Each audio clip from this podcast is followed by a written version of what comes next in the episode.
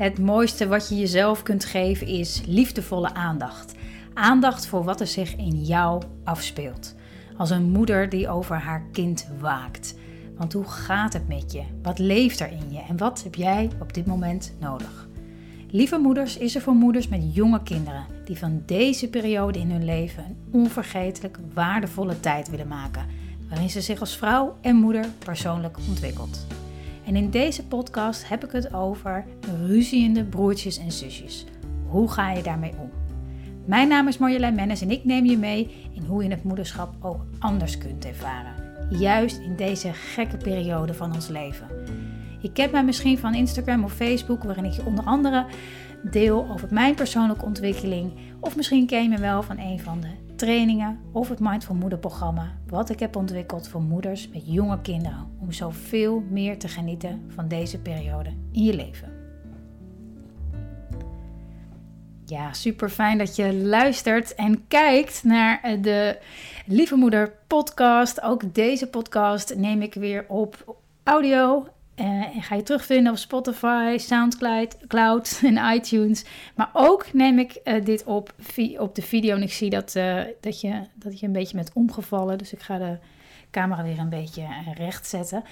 Um, super fijn. Ik kreeg een heel mooie een mail. Een heel mooie mail van um, Esmeralda. Esmeralda. En zij vroeg mij uh, het volgende. En ik ga even een deel van de mail voorlezen, zodat je ook een beetje een inkijk krijgt van, nou, wat, wat wordt er zo al gevraagd? Misschien breng het je op die manier ook op ideeën van wat jij zou kunnen inbrengen, waar jij graag meer inzicht in zou willen hebben. De vraag is als volgt, ik lees het even voor. Uh, waar ik veel tegenaan loop de laatste tijd met de kinderen en waar ik misschien nog meer mee te maken ga krijgen, uh, is dat mijn zoon van 8 en dochter van 4 elkaar vaak in de weg zitten. Soms lijkt het alsof er alleen, uh, soms lijkt het alsof er alleen geen ruzie is wanneer ze apart van elkaar zijn. Wanneer ze beiden in huis zijn, zitten ze al gauw in de haren. Ik probeer mijn zoon al te leren dat hij wat meer uit mijn dochter haar aura moet gaan. En mijn dochter niet overal zo boos over te worden. Gelukkig zijn er af en toe ook momenten dat ze samen spelen. Daar geef ik dikke complimenten voor achteraf, om het spel niet te breken. En benoem dan vooral wat ik mooi en goed vond gaan. Maar jeetje, naar het toilet gaan is soms al een uitdaging. Als ze beiden in één ruimte zijn. Zou leuk zijn om daar wat over te horen. Nou, Esmeralda, ik weet toch heel erg zeker dat jij niet de enige bent in Nederland die hier mee te maken krijgt de komende tijd.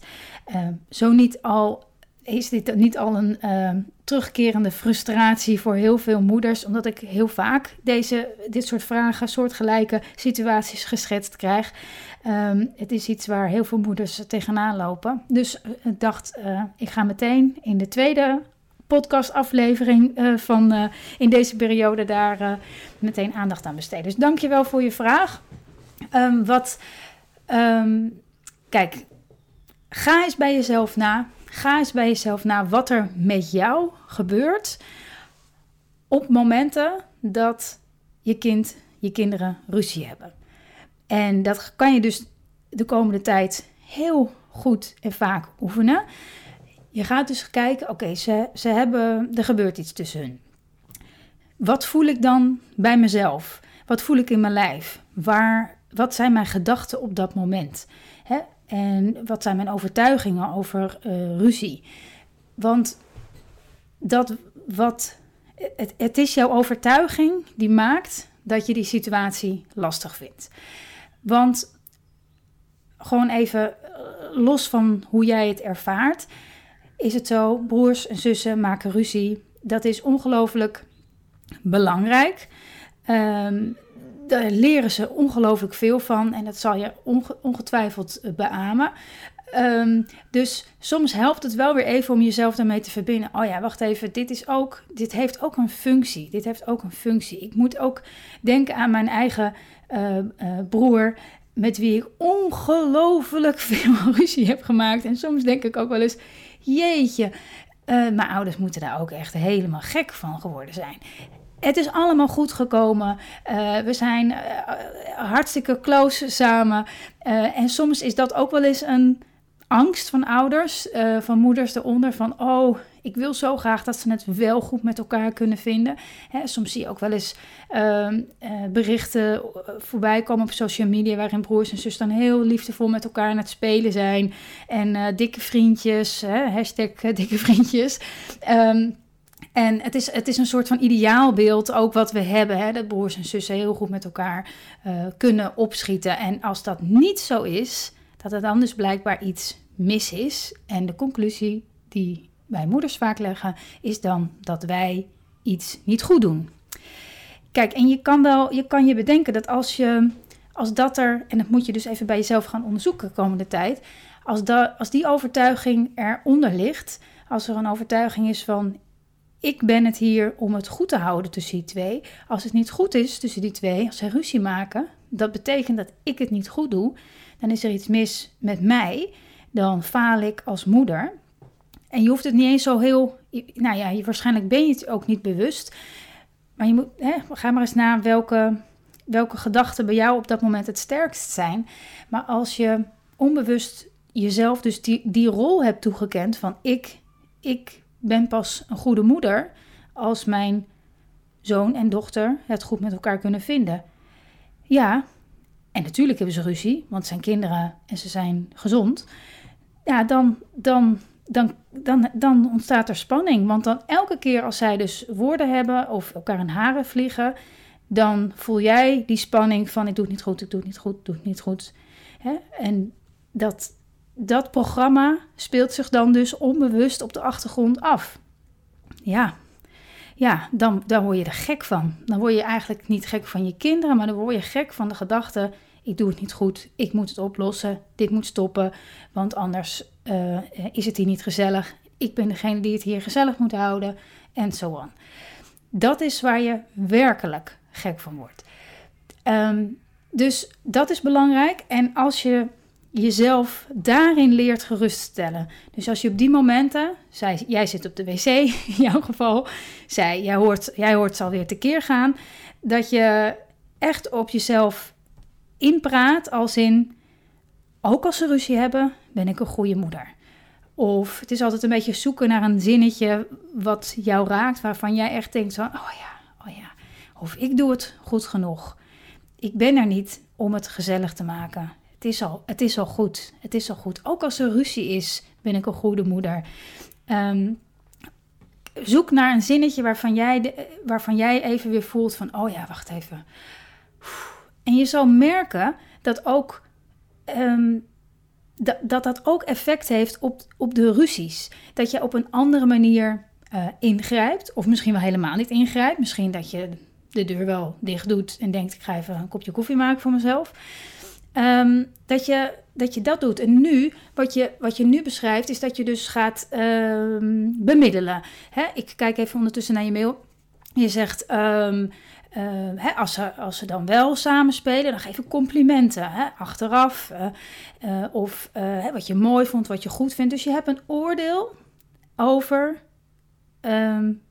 de manier van hoe zij met elkaar omgaan. Ruzie is fout, samen spelen geen ruzie is goed. Terwijl, ja, dat, ook dat zou je kunnen onderzoeken van wat maakt ruzie eigenlijk niet goed. Het is zo waardevol om te leren ruzie maken in je leven. Uh, hè? Dus, nou ja, hè? je snapt wat ik bedoel. Um, en ja, je zei, oh, en je schreef, ik probeer mijn zoon al te leren dat hij wat meer uit mijn dochter haar aura moet gaan. Um, en daarvan kan je, kan je kijken, ik weet niet precies op welke manier je hem dat probeert te leren. Maar daarin zou ik ook, uh, is mijn eerste gevoel, stap achteruit, stap achteruit. Uh, laat het, laat het. Kijk wat er gebeurt. En natuurlijk, als, er, als de bloed, uh, bloed tegen een muur spat, dan is het natuurlijk wel tijd om in te grijpen. Het is niet zo dat je elkaar echt letterlijk de hersens moet laten inslaan. Maar dan kan je heel goed met je, met je fysieke lijf echt er, ertussen komen. En zeggen stop, stop stop.